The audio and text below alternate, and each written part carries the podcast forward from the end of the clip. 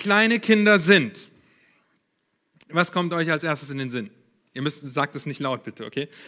Ähm, alles Mögliche, oder? Vielleicht laut, ungehorsam, störend, nervig. Faszinierend, schnell bereit zu vergeben. Hingegeben, mutig, wissbegierig, begabt.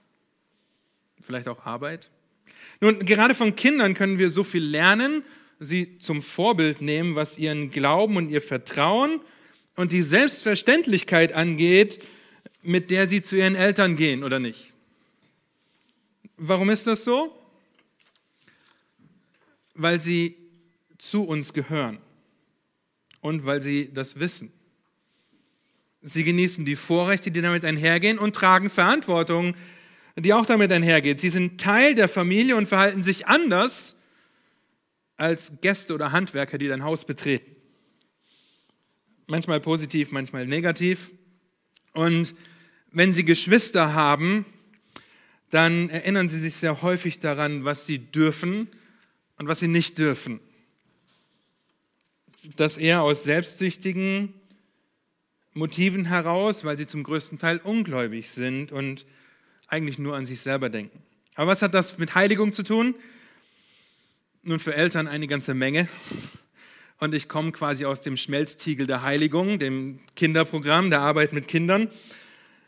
Aber wenn ihr das Programm aufmerksam gelesen habt, dann heißt dieser Vortrag nicht, wie Kindern ihren Eltern dabei helfen, in der Heiligung zu wachsen, sondern die Gemeinde und Heiligung. Und da denken wir vielleicht zuerst an Stellen wie Römer 15, Vers 14. Ich selbst aber, meine Brüder, habe die feste Überzeugung von euch, dass ihr auch, dass ihr auch selbst voll Gütigkeit seid, erfüllt mit aller Erkenntnis und fähig, einander zu ermahnen. Oder Galater 6, Vers 1 und 2. Brüder, wenn auch ein Mensch von einer Übertretung übereilt würde, so seid ihr, die ihr geistlich seid, so sollt ihr, die ihr geistlich, so helft ihr, die ihr geistlich seid, einem solchen im Geiste der Sanftmut zurecht und gib dabei Acht auf dich selbst, dass du nicht auch versucht würdest, und an einer trage des anderen Lasten und so sollt ihr das Gesetz des Christus erfüllen. Oder 1. Thessalonicher 5, Vers 14. Wir mahnen euch aber, Brüder, verwarnt die Unordentlichen, tröstet die Kleinmütigen, nehmt euch der Schwachen an, seid langmütig gegen jedermann. Und dann Vers 15, seht darauf, dass niemand Böses mit Bösem vergilt, sondern trachtet alle Zeit nach dem Guten, sowohl untereinander als auch gegenüber jedermann. Aber kommen uns Kinder sofort in den Sinn?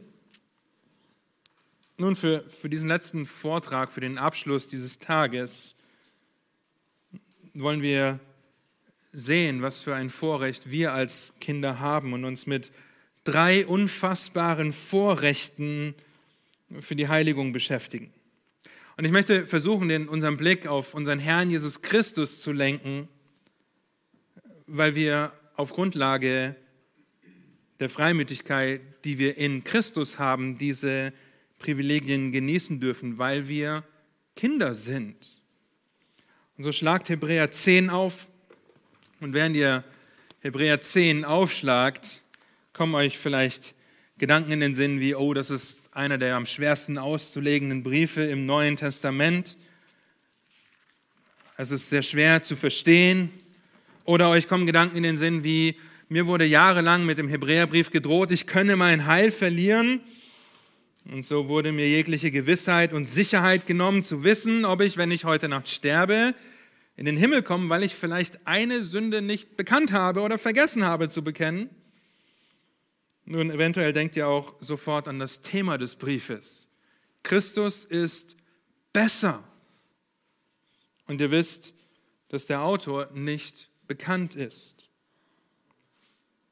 Euch kommen bestimmt einige Stellen in den Sinn und ich bin mir sicher, dass äh, nicht nur Dieter davon gesprochen hat heute, sondern dass ihr auch an anderen Vorträgen schon aus dem Hebräerbrief gehört habt. Und habt auch schon gehört, dass man beim Lesen dieses Briefes darauf achten muss, welche Gruppe der Hebräer, die Teil einer Gemeinde waren, der Autor anspricht. Sind es die Gläubigen, die geistlich schwach sind, oder sind es die Ungläubigen, die Namenschristen, die es einfach nur nett finden, gute Gemeinschaft in der Gemeinde zu haben. Und so lasst uns Hebräer 10, die Verse 19 bis 25 lesen und mindestens noch festhalten, dass der Autor mit Vers 19 zu der praktischen Anwendung des vorher geschriebenen kommt. Und dabei wollen wir sehen, dass Freimütigkeit in Christus zu drei unfassbaren Vorrechten oder Privilegien, ich werde das austauschbar benutzen, führt. So lasst uns das lesen. Lasst uns lesen, was Gottes Wort sagt. Hebräer 10 ab Vers 19. Da heißt es, da wir nun, ihr Brüder, Kraft des Blutes Jesu Freimütigkeit haben zum Eingang in das Heiligtum, den er uns eingeweiht hat als neuen und lebendigen Weg durch den Vorhang hindurch, das heißt durch sein Fleisch. Und da wir einen großen Priester über das Haus Gottes haben, so lasst uns hinzutreten mit wahrhaftigem Herzen, in völliger Gewissheit des Glaubens, durch Besprengung der Herzen los vom bösen Gewissen und am Leib gewaschen mit reinem Wasser. Lasst uns festhalten am Bekenntnis der Hoffnung, ohne zu wanken, denn er ist treu, der die Verheißung gegeben hat. Und lasst uns aufeinander acht geben, damit wir uns gegenseitig anspornen zur Liebe und zu guten Werken, indem wir unsere eigenen Versammlungen nicht verlassen, wie es einige zu tun pflegen, sondern einander ermahnen. Und das umso mehr, als dass ihr den Tag herannahen seht. Bis hierher Gottes Wort, ein wunderbarer Text. Lasst mich noch beten. Herr, habt du Dank dafür, dass du der Gott des Wortes bist und dass wir, wenn wir dein Wort lesen, lernen dürfen, sehen dürfen, was du möchtest, wer du bist, wie du bist, was du getan hast und wie wir gerade schon gehört haben, dass dein Wort nötig ist, uns zu überführen. Und so bete ich, dass du Gnade schenkst jetzt für diesen letzten Vortrag, dass du uns Konzentration gibst, dass du uns Freude gibst, auf dein Wort zu schauen, aber dass du uns auch dadurch ermahnst und dass wir uns durch dein Wort auch anspornen dürfen, Herr. Gib du Gnade zum Reden und zum Hören, Herr. Amen. Nun in den Versen 19 bis 21 finden wir zunächst unseren Zugang zur Heiligung. Erst durch Christus ist es überhaupt möglich, uns über Heiligung zu unterhalten. Das Evangelium und Heiligung. Erst in Christus ist es überhaupt möglich, geheiligt zu werden und weiter in der Heiligung zu wachsen. Und erst mit Christus haben wir Zugang. Und um das besser zu verstehen, müssen wir ganz kurz den Kontext dieser Verse betrachten und einen kurzen Überblick uns verschaffen über das zehnte Kapitel. Denn der Schreiber des Hebräerbriefes macht Christus groß, von Anfang an bis jetzt, als wahrhaftiges Opfer, als hoher Priester und auch als König.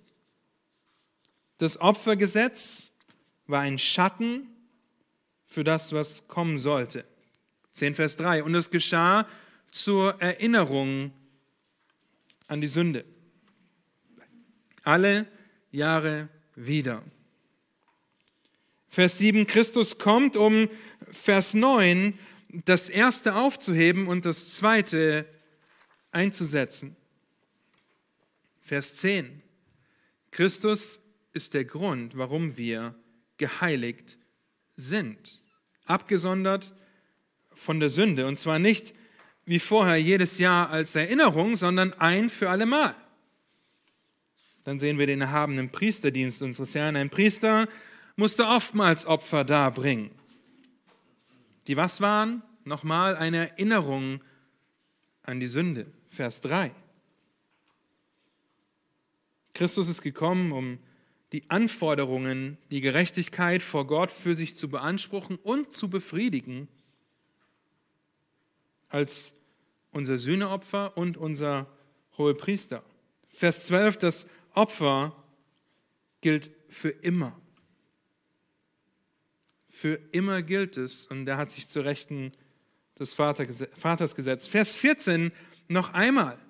Das Opfer gilt für die für immer, die geheiligt werden oder geheiligt sind.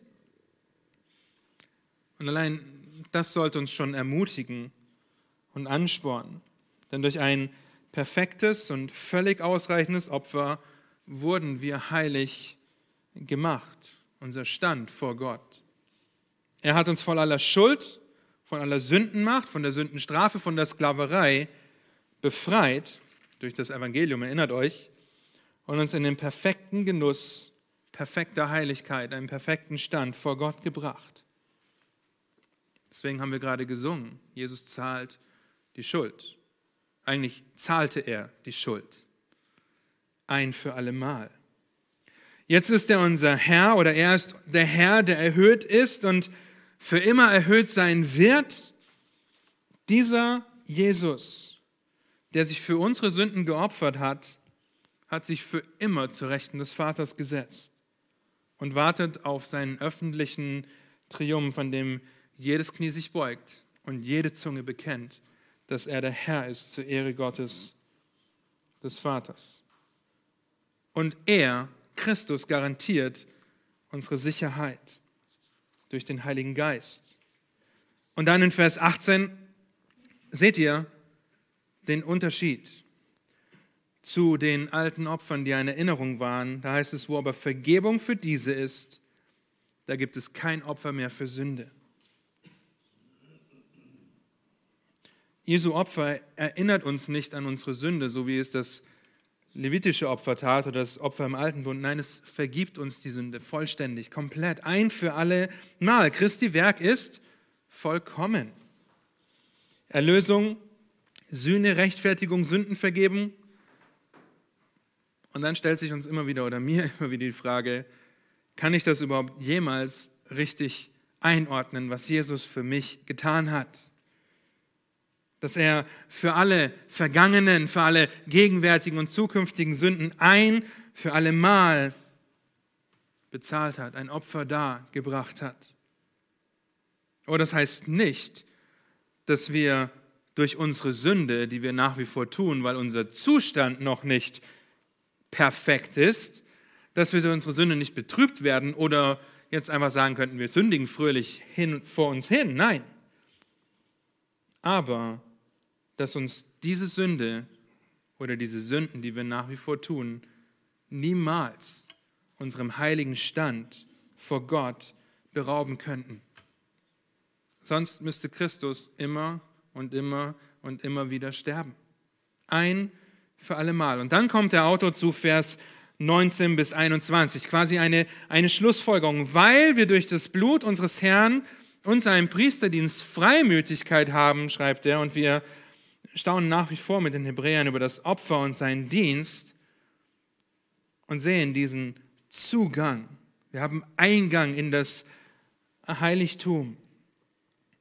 Und zwar einen freimütigen Zugang. Und dabei ist es wichtig, dass wir kurz das Wort Freimütigkeit richtig einordnen, richtig verstehen, weil es nicht die Freiheit zu sündigen ist. Und das ist euch hoffentlich klar. Ein Wörterbuch beschreibt es folgendermaßen, diese Freimütigkeit. Die Voraussetzung für Freimütigkeit ist, dass man ein griechischer Staatsbürger sein musste. Nur der vollwertige Staatsbürger hatte das Recht, in der öffentlichen Versammlung etwas zu sagen. Fremde und Sklaven hatten kein solches Recht und deshalb gab es keinen höheren Besitz als Freimütigkeit und keinen größeren Verlust als sie zu verlieren. Und dann fährt der Autor fort und das mit der Staatsbürgerschaft war wichtig, um das einordnen zu können. Dann fährt er fort und setzt das in den biblischen Kontext und sagt, demnach ist Freimütigkeit die Freiheit des Zugangs zu Gott, die Vollmacht, das Heiligtum zu betreten, die Offenheit für den neuen und lebendigen Weg, den Jesus für uns wiederhergestellt hat. Diese Freimütigkeit wird durch das Blut Jesu zugesprochen und ist in seinem hohen priesterlichen Handeln verankert. Das Heilswirken Jesu, das alle Himmel durchdringt, hat die Freimütigkeit geschaffen und ihre Erfüllung möglich gemacht. Jetzt kommt das Wichtige. Die Freimütigkeit entfaltet sich in der Zuversicht und Offenheit, die sich nicht zu schämen braucht, wenn sie vor dem Richter steht.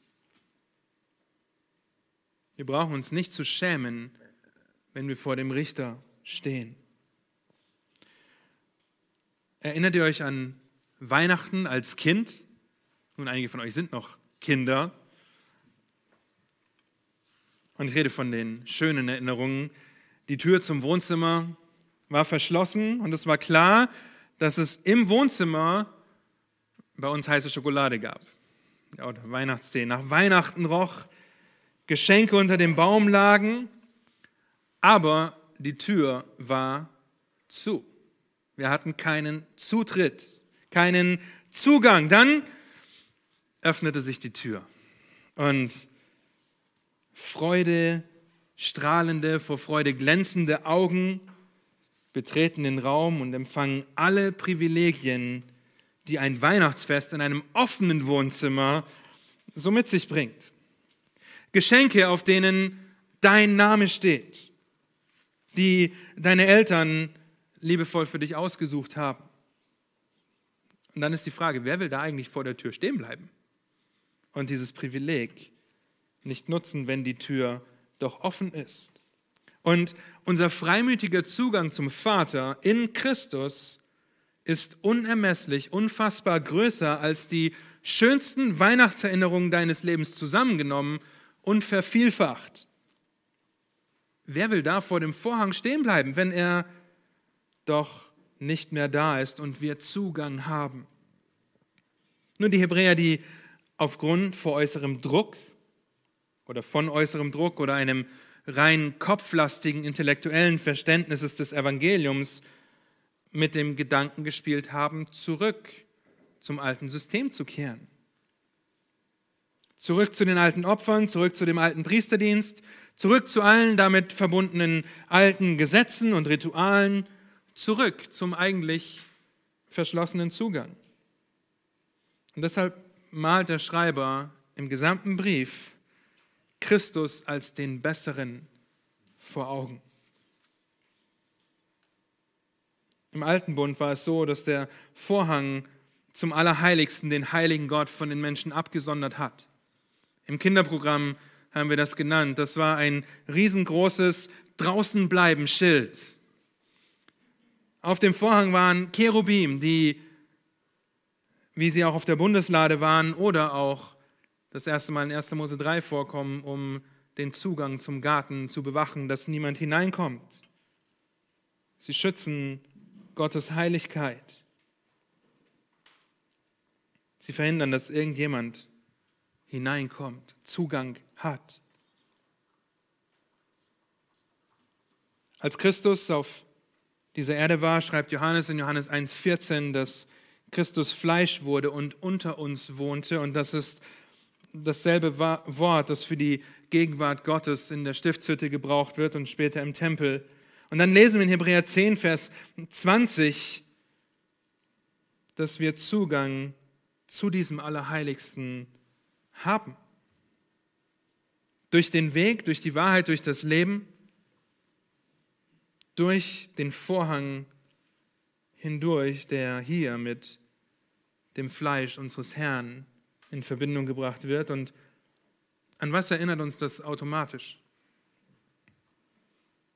wohl hoffentlich an die Tatsache, dass als Christus am Kreuz es ist vollbracht rief, der Vorhang im Tempel von oben nach unten zerriss.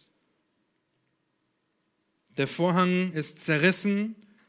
Wir haben freimütigen Zugang zu Gott in Christus. Christus, der unser Priester ist, für immer zu Rechten des Vaters und der für uns eintritt.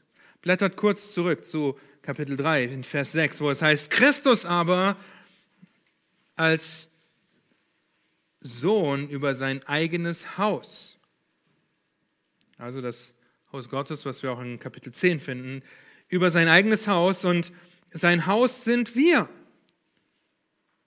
wenn wir die Zuversicht oder, griechisches Wort, haben wir in Kapitel 10 schon gesehen, die Freimütigkeit und das Rühmen der Hoffnung bis zum Ende standhaft festhalten. Wir haben Zugang in Christus zum Vater, weil er für uns eintritt und wir in sein Haus kommen können. Freimütiger Zugang aufgrund unseres Herrn Jesus Christus. Sohnschaft, Vater zu sagen, Vollmacht, das Heiligtum zu betreten, Zuversicht, Sünde zu bekennen und Offenheit, ohne Scham zum Thron der Gnade zu kommen. Der freimütige Zugang. Und dann erinnern wir uns an vielleicht mit einer der bekanntesten Verse aus dem Hebräerbrief, Kapitel 4, Vers 14. Da wir nun einen großen hohen Priester haben, der die Himmel durchschritten hat, Jesus, den Sohn Gottes, so lasst uns festhalten an dem Bekenntnis, denn wir haben nicht einen hohen Priester, der kein Mitleid haben könnte mit unseren Schwachheiten, sondern einen, der in allem versucht worden ist, in ähnlicher Weise wie wir, doch ohne Sünde. So lasst uns nun mit Freimütigkeit hinzutreten zum Thron der Gnade, damit wir Barmherzigkeit erlangen und Gnade finden zu rechtzeitiger Hilfe. Lassen wir das mal auf uns wirken. Wir können aufgrund des Opfers und des Priesterdienstes Jesu freimütig hinzutreten. Freimütigkeit in Christus führt zur Heiligung in der Gemeinde. Wenn er ein für alle Mal komplett und unwiderruflich für meine Sünde bezahlt hat, dann bekommt jeder, der das glaubt, dadurch unfassbare Vorrechte, Privilegien, die wir als erlöste Kinder Gottes in Anspruch nehmen können und die, wie der Hebräerbrief deutlich macht, von erlösten Kindern Gottes in Anspruch genommen werden. Diese Vorrechte für dich zu beanspruchen, zeigt die Echtheit deiner Erlösung. Warum? Weil wir hinzutreten, weil wir festhalten und weil wir Acht geben. Das sind die drei unfassbaren Vorrechte, die wir in unseren Versen finden. Und so möchte ich versuchen, das Ganze ein bisschen abzuschließen und den Schwerpunkt auf das Achtgeben zu setzen. Vorrecht Nummer 1, Vers 22, so lasst uns hinzutreten. Ein einziges Wort im Griechischen. Und meiner Meinung nach bringen es die deutschen Übersetzungen nicht so schön oder deutlich zum Ausdruck, wie es vielleicht gemeint ist. Wenn ihr des Englischen mächtig seid, dann lest ihr bei solchen Stellen, let us draw near, was bedeutet, lasst uns nahe kommen. Nicht einfach nur hinzutreten, sondern nah rangehen, nahe kommen. Ein Ausdruck, der hier gemeint ist. Die absolute Zuversicht, dass wir nahe kommen können in Christus. Dass wir nahe zum Thron der Gnade kommen können. Und die folgenden vier Feststellungen, wie das passiert, wie wir nahe kommen, das sind Merkmale derjenigen, die berechtigt sind, nahe zu kommen. Anders können wir Gott nicht nahen. Lässt du dich auf Sünde ein, kannst du Gott nicht nahe sein. Kinder Gottes genießen das Privileg hinzuzutreten, weil sie den Herrn von ganzem Herzen lieben.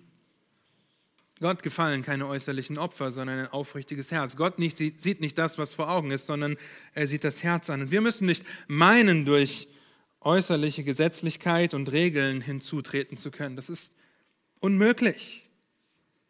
Es geht nur von Herzen und mit Herzen nahe zu kommen, nahe zu kommen mit wahrhaftigem Herzen. Es ist ein Vorrecht, dass die Errettung nicht von uns abhängt.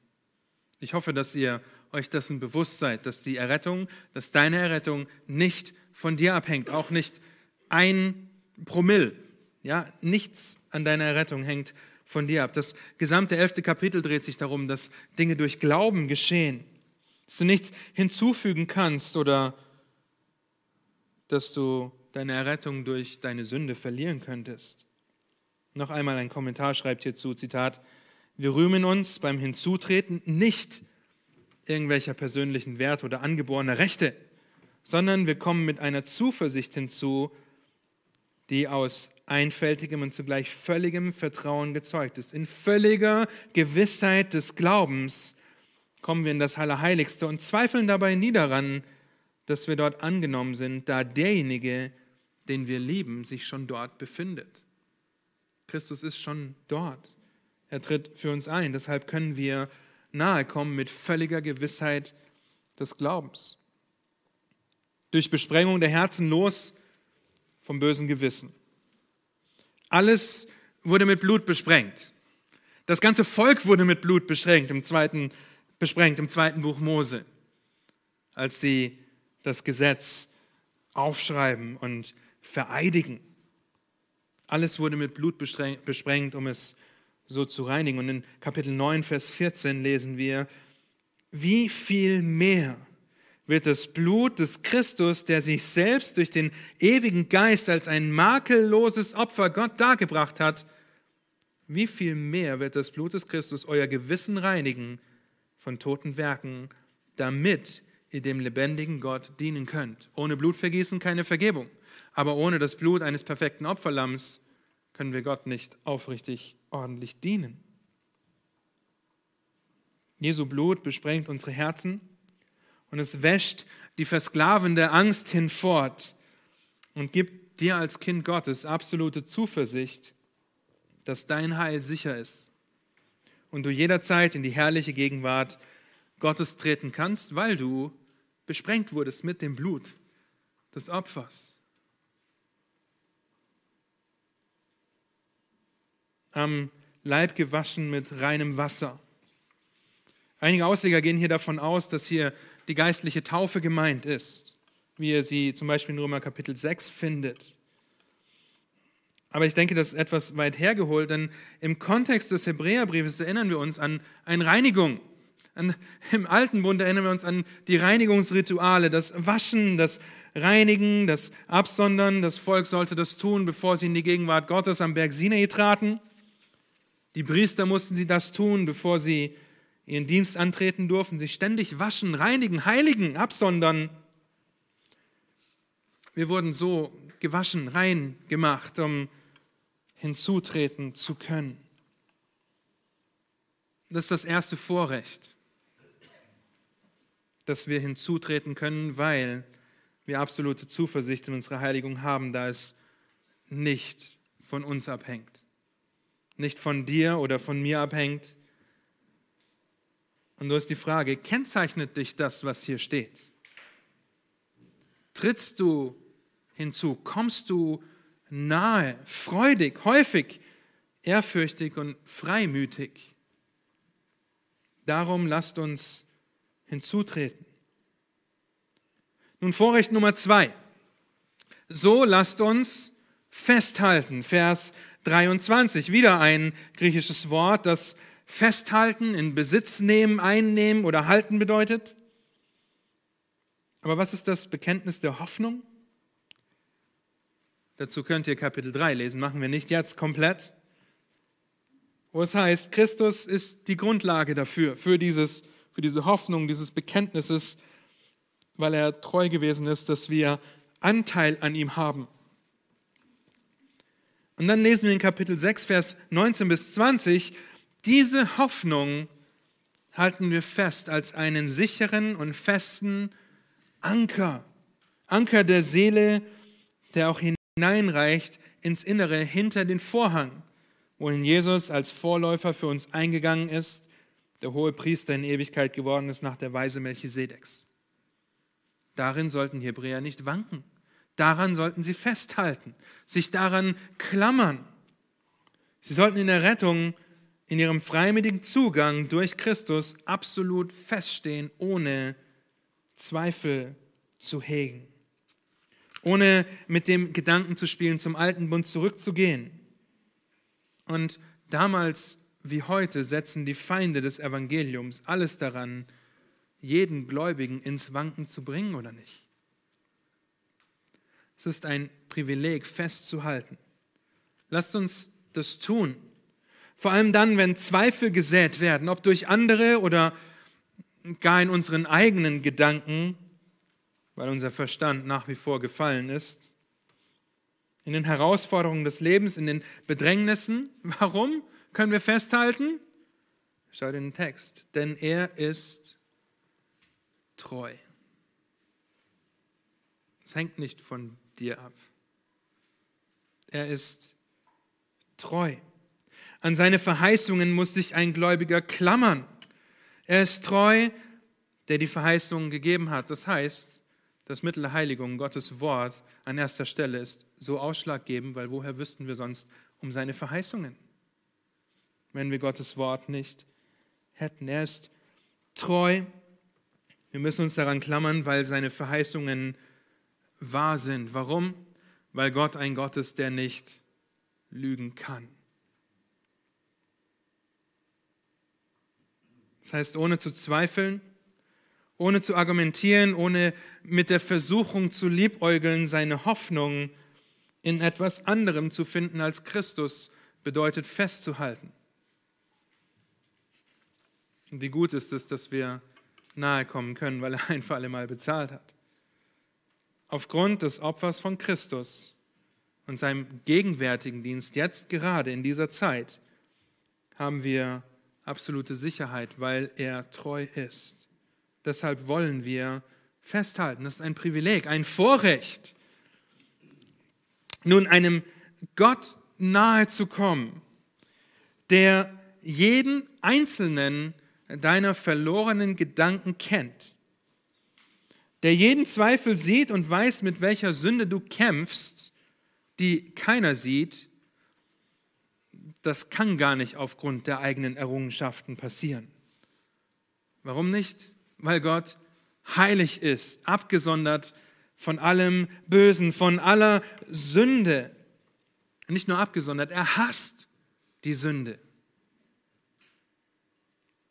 Und so ist es nur in Christus möglich, durch sein Opfer und seinen Dienst, dass wir das Vorrecht haben, nahe zu kommen und festzuhalten. Diese beiden Punkte sind wichtig und sehr grundlegend in unserer persönlichen voranschreitenden Heiligung. Sie zeigen, ob wir verstanden haben, welchen Zugang wir haben und wie Gott unseren Stand verändert hat. Und wie wir aufgrund unseres neuen Standes vor Gott, der jetzt schon heilig ist, in Christus, wir aufgrund dessen vor den Thron der Gnade kommen können, ihn anflehen können um Hilfe. Ja, das 10 und 4, Kapitel 4, die decken sich in diesem Bereich ein bisschen. Wir können nahe kommen, weil Gott uns in Christus den Zugang geschaffen hat und wir freimütig zu ihm kommen können. Weil Christus ein für alle Mal für dich bezahlt hat. Was für ein Vorrecht, nahe zu kommen und festzuhalten. Wenn wir dieses Verständnis leben und verstanden haben, weil es unser Anliegen ist, nicht nur euch hier über biblische Heiligung zu unterrichten und unterweisen und dann zu denken, okay, hoffentlich habt ihr es jetzt im Kopf verstanden. Nein, wir möchten, dass ihr nach Hause geht und darüber nachdenkt, wie kann ich das, was ich heute gehört habe, in die Tat umsetzen.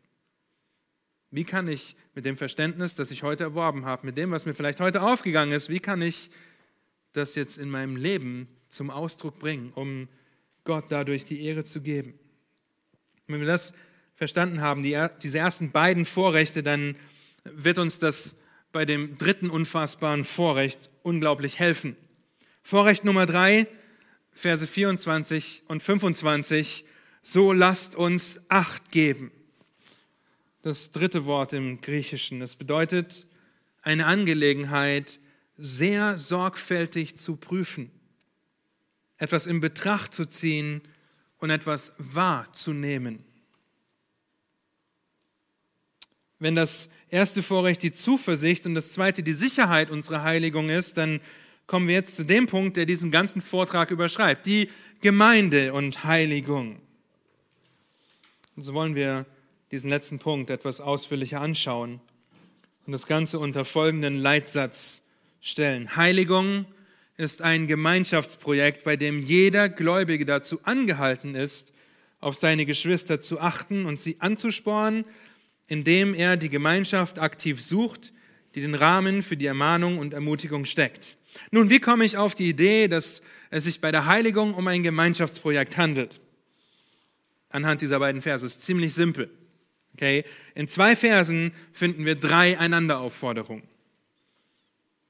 Das heißt, wir benötigen die gegenseitige Rechenschaft, wir benötigen die gegenseitige Prüfung, wir benötigen das gegenseitige Ermahnen und wir benötigen es, aufeinander Acht zu geben. Und in Hebräer 3 wird das schon einmal deutlich gemacht. Und wir lesen das und dann sage ich was dazu. Kapitel 3, Vers 12 bis 14, wo es heißt, habt Acht, ihr Brüder, dass nicht in einem von euch ein böses, ungläubiges Herz sei, das im Begriff ist, vom lebendigen Gott abzufallen. Vers 13, ermahnt einander vielmehr jeden Tag, solange es heute heißt, damit nicht jemand unter euch verstockt wird durch den Betrug der Sünde. Denn wir haben Anteil in Christus bekommen, wenn wir die anfängliche Zuversicht bis ans Ende ähm, standhaft festhalten. Lieben, wir brauchen einander, um uns an die Wahrheiten der Schrift zu erinnern. Wir brauchen einander, um uns gegenseitig zur Rechenschaft zu ziehen. Im Fall der gerade gelesenen Verse war es unter den Hebräern so, dass es echte Gläubige gab, aber auch lediglich Namenschristen dort in den Gemeinden. Und ich bin davon überzeugt, dass das in den heutigen Gemeinden, wahrscheinlich auch in unseren, nicht anders ist. Das heißt, die, die fortschreitende Heiligung als ein Gemeinschaftsprojekt zu sehen, wird uns zusätzlich auch noch dabei helfen, zu verstehen, dass ihr, jeder einzelne von euch, nicht in die Gemeinde kommt, um bedient zu werden. Seht ihr, dieser Aufruf ist nicht, ihr, ihr entzieht euch einem Segen, der euch zuteil wird. Nein, ihr sündigt an eurem Bruder oder eurer Schwester, weil es der Aufruf ist, dass du anspornst, dass du ermahnst, dass du das tust. Es ist ein Gemeinschaftsprojekt. Jeder von uns muss das tun. Du kommst in die Gemeinde, in die Gemeinde um zu dienen und deinem Nächsten zu dienen. Und jetzt alle einander stellen im Neuen Testament anzuschauen, würde definitiv den Rahmen sprengen der kurzen Zeit, die wir haben. Also jeder Gläubige ist angehalten, auf seine Geschwister zu achten. Was achten bedeutet, acht haben bedeutet, haben wir schon gesehen. Und hier ist die Frage an jeden einzelnen von uns. Hast du deine Geschwister im Blick? Nimmst du sie wahr? Bist du darauf bedacht, sorgfältig zu prüfen? Ich rede hier nicht davon, Moralapostel oder äh, Gesetzespolizei zu spielen, sondern einen liebevollen Blick und eine barmherzige Sorge füreinander zu haben.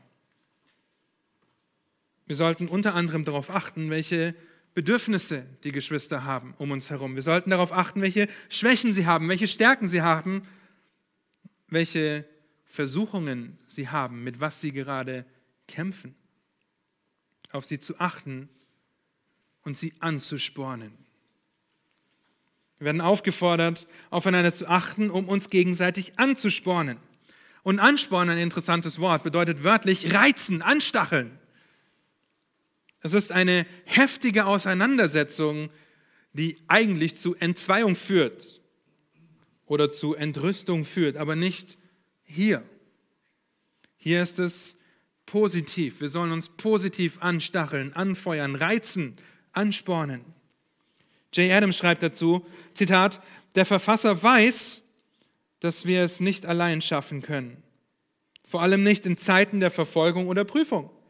Deshalb fordert er jedes Mitglied der Gemeinde auf, darüber nachzudenken, wie man sich gegenseitig zu Liebe und zu guten Werken anregen kann.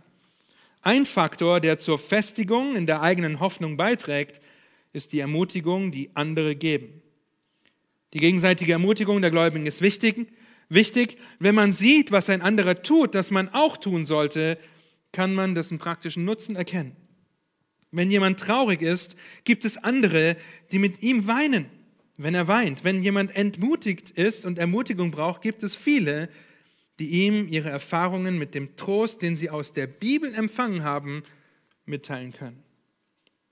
Wir könnten noch lange darüber reden, aber wir sollen uns anspornen zu Liebe und zu guten Werken.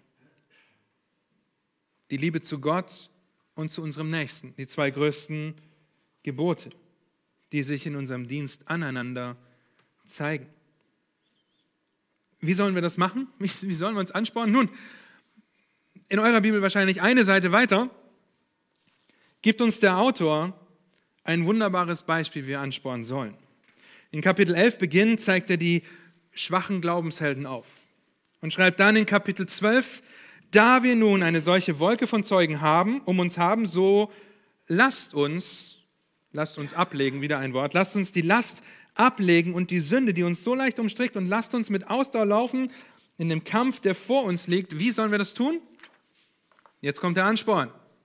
Indem wir hinschauen auf Jesus, den Anfänger und Vollender des Glaubens, der um der vor ihm liegenden Freude willen das Kreuz erduldet und dabei die Schande für nichts achtete und der sich zur Rechten des Thrones Gottes gesehen hat, achtet doch auf ihn, der solchen Widerspruch von Sündern gegen sich erduldet hat. Wozu? Damit ihr nicht müde werdet und den Mut verliert. Es ist kurz nach fünf, wahrscheinlich seid ihr müde, hoffentlich nicht mutlos. Ja, damit ihr nicht müde werdet und nicht den Mut verliert, achtet doch auf ihn. Christus ist unser ultimativer Ansporn. Wenn dein Achten auf deine Geschwister sich um, um Regeln oder Gesetze dreht, die sie einhalten müssen, damit du dich vielleicht in sie investierst, oder wenn du ihnen aus dem Weg gehst, weil sie dir lästig sind, dann verfehlst du den Befehl des Schreibers in diesen Versen. Weil Ansporn zu Liebe und zu guten Werken hängt nicht nur an einigen wenigen, sondern es ist ein Auftrag, eine Verantwortung, die jeder von uns wahrnehmen sollte. Und er beginnt damit, dass wir uns gegenseitig anspornen, auf Christus zu blicken und ihm aus tiefer Dankbarkeit nachzueifern. Das Achtgeben und Anspornen kann aber nur im Rahmen der Gemeinschaft der Heiligen passieren. Für die Hebräer damals war es ein Aufruf, die Versammlung nicht zu verlassen, der sie hätte ihr Leben kosten können. Angesichts Verfolgung, Schmähung oder Spott waren sie also versucht, sich der Gemeinschaft mit anderen Heiligen zu entziehen. Aber ohne die geistliche Gemeinschaft mit Geschwistern einer Ortsgemeinde ist es zweifelhaft, dass du deinen Glauben ohne Ansporn, ohne Achtsamkeit der anderen, also ohne Achtsamkeit der anderen aufrechterhalten kannst. Und das Wort Versammlung hier ist das bewusste Zusammenkommen aus einem Grund. Wir kommen bewusst zusammen mit einem Ziel.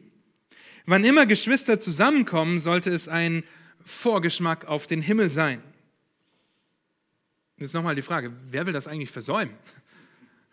Ja, ich meine, wer, will das, wer will das versäumen? Aber viele Geschwister auch in unseren Gemeinden suchen die Gemeinschaft nicht aktiv die Versuchung ist, keine Gemeinschaft miteinander zu haben. Und die Warnung des Schreibers ist, versäumt die Versammlung nicht. Und es wird immer etwas geben, was es dir leicht macht oder leichter erscheinen lässt, die Gemeinschaft mit Geschwistern nicht zu suchen, weil unser Fleisch das nicht will. Nicht in Hauskreise oder Wachstumsgruppen zu gehen, die Veranstaltungen unter der Woche nicht zu besuchen oder nicht in den Gottesdienst zu gehen und hört gut zu, keine Gastfreundschaft zu üben, in der man mit Geschwistern mit dem Ziel zusammenkommt, einander zu ermahnen und einander anzuspornen. Matthew Henry schreibt dazu, es ist der Wille Christi, dass seine Jünger sich versammeln, manchmal privat, um sich gegenseitig zu beraten und zu beten, dann wieder öffentlich, um zu hören und an allen Handlungen der gemeinschaftlichen Anbetung Gottes teilzunehmen. Die Gemeinschaft der Heiligen ist eine große Hilfe, ein Vorrecht und ein gutes Mittel zur Standhaftigkeit und Ausdauer. Dadurch werden ihre Herzen und Hände gegenseitig gestärkt. Diese Verse oder Vers 25 ist eine deutliche Warnung, die Gemeinschaft der Heiligen, die Gemeinschaft mit Heiligen nicht zu vernachlässigen. Nun, das, was jetzt folgt, macht mich vielleicht zum Buhmann dieser Tagung wollen vielleicht wenige hören, reizt vielleicht zum Zorn den einen oder anderen, der das vielleicht jetzt hört oder der das in Zukunft hört. Da wir uns in einer Zeit befinden, in der es einfach ist, sich zu entziehen, weil es gibt Livestreams, es gibt gute Podcasts, es gibt gute Bücher, es gibt Online-Predigen en masse. Und so wird es viel zu wenig gesagt und gewünscht, dass wir die Versammlung der Heiligen nicht versäumen sollten. Das heißt, jeder, der das hört, braucht einen Hirten, der euch genug liebt, um euch die Wahrheit in Liebe zu sagen. Ich hoffe, dass mir das gelingt und ich möchte das auf eine liebevolle, aber ernste Art und Weise tun, weil hier eine Warnung ausgesprochen wird, die wir sehr, sehr ernst nehmen müssen und die wir bedenken sollten, wenn es um unsere Heiligung geht. Denn Gemeinde, Heiligung ohne Gemeinde ist eine Illusion, die gibt es nicht. Viele von uns sind heute versucht, aufgrund der eigenen Gefühle, der eigenen Vorlieben, vielleicht auch falschen Priorität oder ihrer Müdigkeit, leichten Beschwerden oder vielleicht der toten Zeit, die das Ganze mit sich bringt, nicht in die Versammlung der Heiligen zu kommen. Nun, das ist ungefähr so, als ob du Montagmorgens sagst, ich bin zu müde und fühle mich überhaupt nicht nach Arbeit. Ich gehe heute einfach nicht und bleibe zu Hause.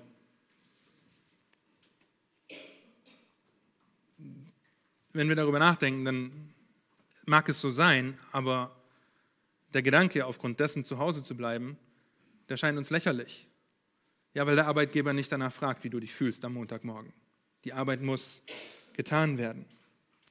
Natürlich gehen wir zur Arbeit, aber jetzt, wenn die Gemeinschaft der Heiligen der Ort ist, an dem wir in unserer Heiligung, das was mit der Ewigkeit zusammenhängt, angespornt werden und andere anspornen, warum nutzen wir das so häufig und widersetzen uns diesem Befehl so häufig und meinen, dadurch geistlich wachsen zu können, in der Heiligung vorankommen zu können. Wenn ihr meint, Heiligung sei zu Hause zu sitzen und ein gutes Buch zu lesen, den Livestream zu verfolgen oder euch einfach nur auszuruhen, vielleicht sogar eure Gedanken heute Abend, die große Gefahr, wir füllen unseren Kopf mit dem Nonsens von Netflix. Okay? Weil wir haben den ganzen Tag was Geistliches gemacht und jetzt muss ich abschalten. Das ist eine große Lüge. Wenn wir uns denken, wir erfüllen unsere Gedanken mit dem Nonsens von Serien oder Filmen, Filmen, vor allem wenn Gemeinschaft der Heiligen stattfinden könnte, dann ist es nicht Heiligung, sondern Faulheit, Bequemlichkeit, Stolz und Sünde, über die wir ernsthaft nachdenken müssen. Weil die Gemeinschaft der Heiligen der Rahmen für die Ermahnung und Ermutigung ist. Und es steckt den Rahmen dafür.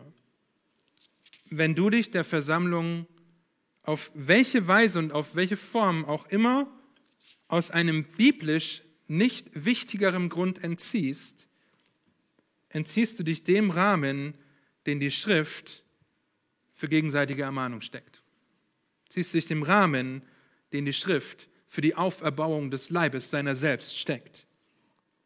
Am Anfang mag das vielleicht noch gut gehen, aber nach und nach wirst du aufhören zu beten, wirst du aufhören, die Bibel zu lesen, aufhören, vielleicht sogar fröhlich zu sein. Dieter hat den Leib schon anklingen lassen, dann verhältst du dich wie ein kleiner Finger, der meint, den Leib nicht zu brauchen. Und der sagt, der Leib braucht mich nicht. Das hat reichlich wenig mit Heiligung zu tun. Im Gegenteil, es ist ein hochmütiges Denken, eine stolze Haltung, die sagt, ich brauche den anderen nicht. Und die sagt und sich diesen Versen widersetzt, die anderen brauchen mich nicht. Ihr Lieben, ich hoffe, ihr versteht, dass es ein Vorrecht ist, auf den anderen zu achten. Es ist meine Verantwortung, auf euch zu achten, die ihr zur Bibelgemeinde gehört. Und es ist eure Verantwortung, auf mich zu achten. Ungeachtet dessen, dass ich Hirte bin. Ihr sollt mich anspornen, auf mich acht geben, so wie ich auf euch.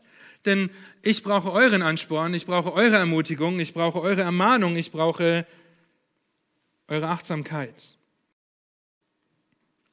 Das heißt, wir suchen die Gemeinschaft der Heiligen aktiv, um andere gezielt, bewusst und geplant zu ermutigen, anzuspornen, zu Liebe und zu guten Werken und wir erwarten dasselbe von ihnen. Nun, ich verstehe, dass es hier viele Nuancen gibt und dass ich in eine Richtung sehr hart rede und dass wir auch nicht die Zeit haben, in alle Richtungen uns zu unterhalten, was ist mit chronischen Krankheiten und so weiter. Ja?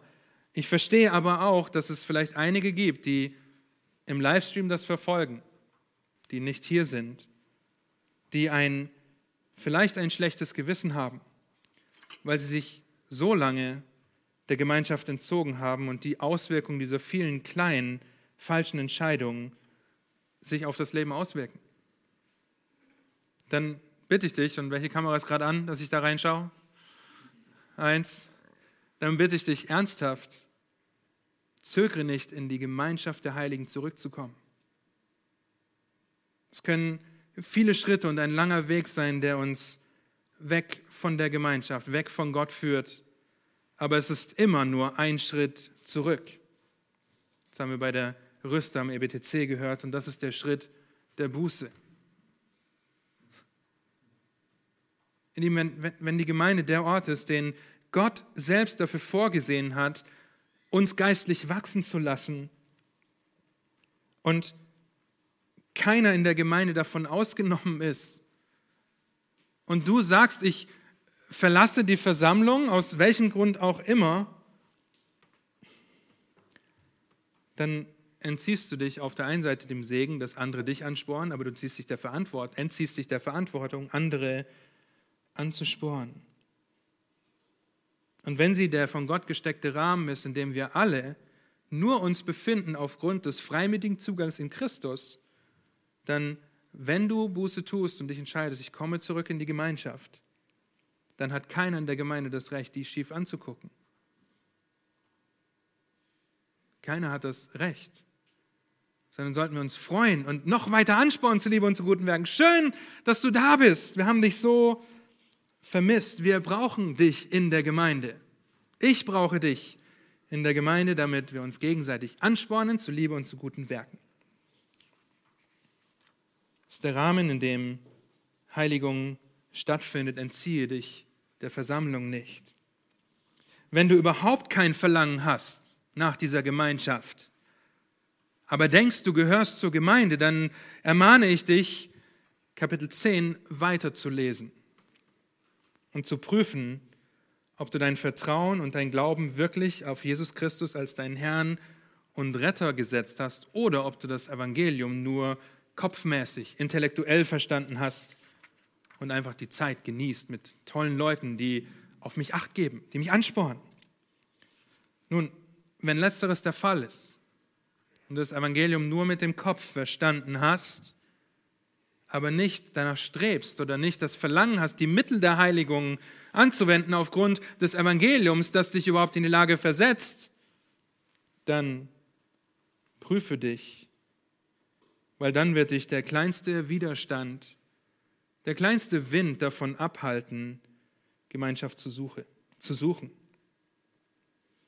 Dann tue Buße und nimm das Opfer und den Priesterdienst des Herrn Jesus Christus für dich in Anspruch. Heiligung ist ein Gemeinschaftsprojekt, bei dem jeder Gläubige dazu angehalten ist, auf seine Geschwister zu achten und sie anzuspornen, indem er die Gemeinschaft aktiv sucht, die den Rahmen für die Ermahnung und Ermutigung steckt. Auf wen hast du letzte Woche geachtet?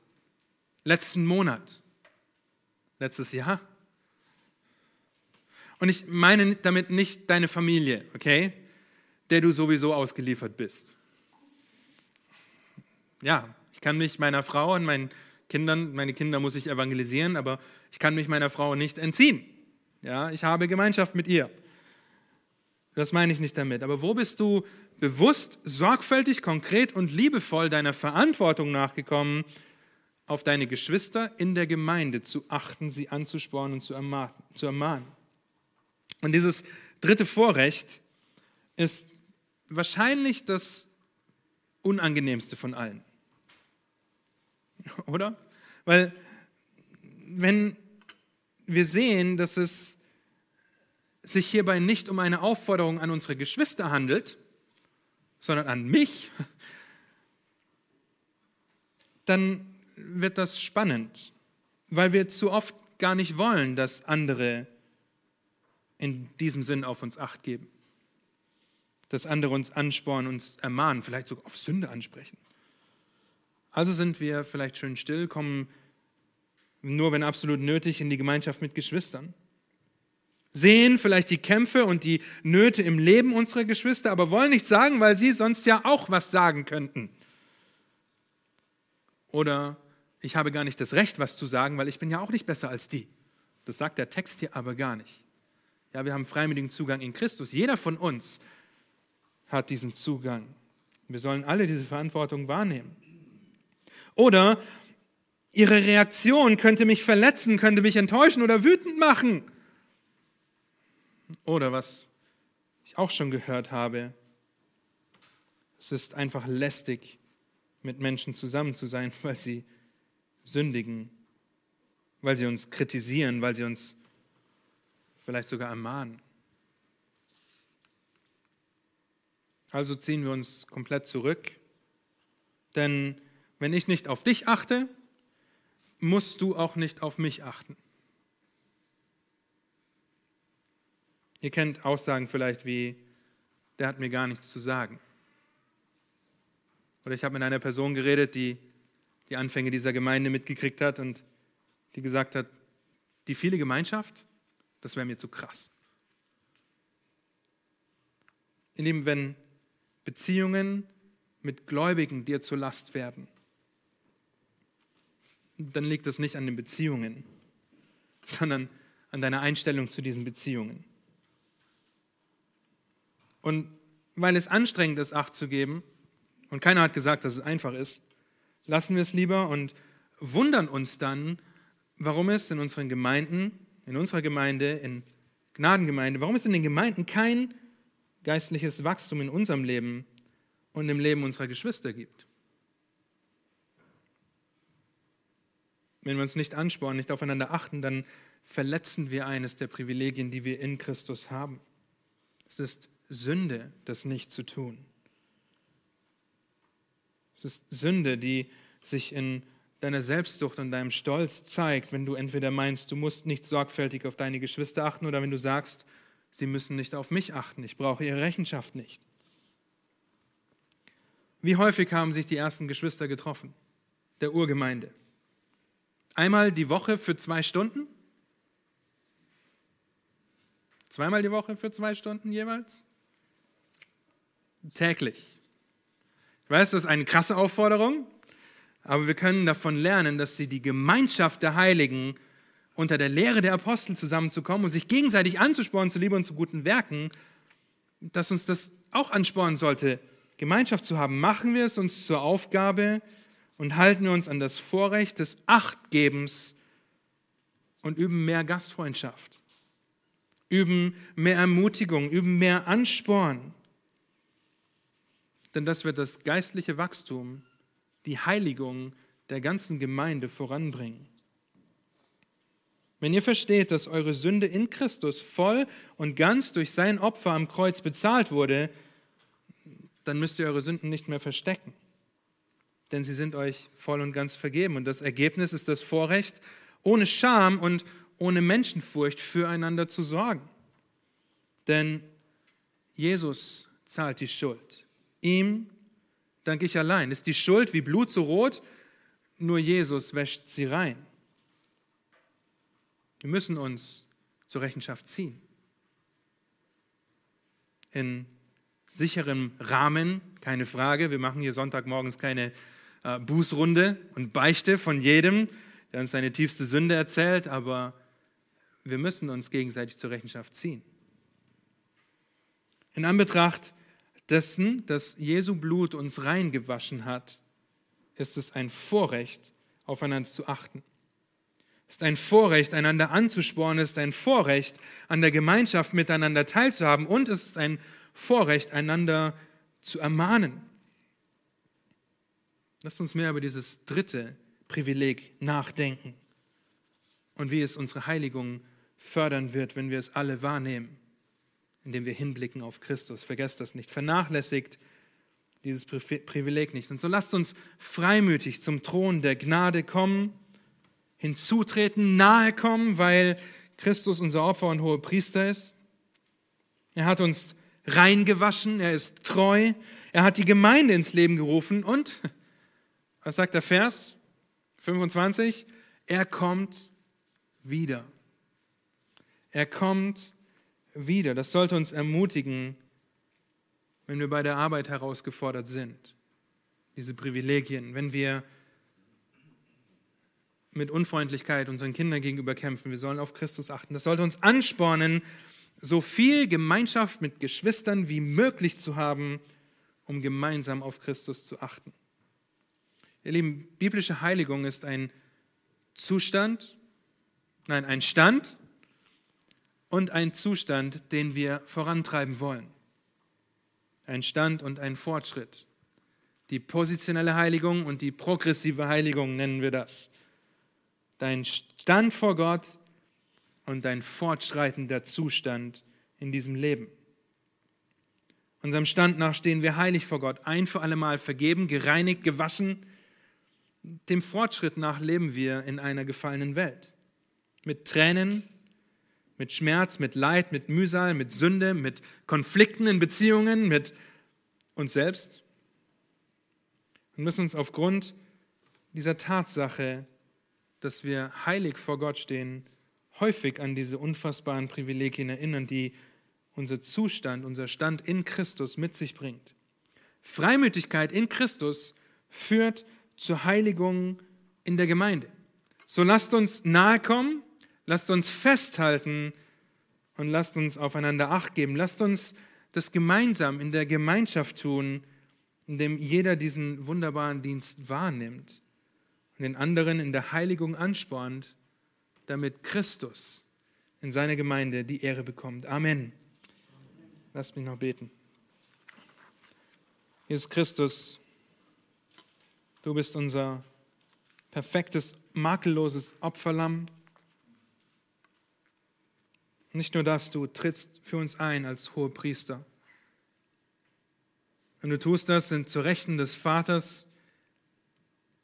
Und so können wir daran festhalten, weil du treu bist, weil du das vollbracht hast, nicht weil wir irgendetwas dazu beitragen könnten, aber hilf du uns, dass uns diese Wahrheit dazu anspornt, aufeinander Acht zu geben, indem wir dein Wort kennen, indem wir die Mittel wahrnehmen, die du uns bereitgestellt hast.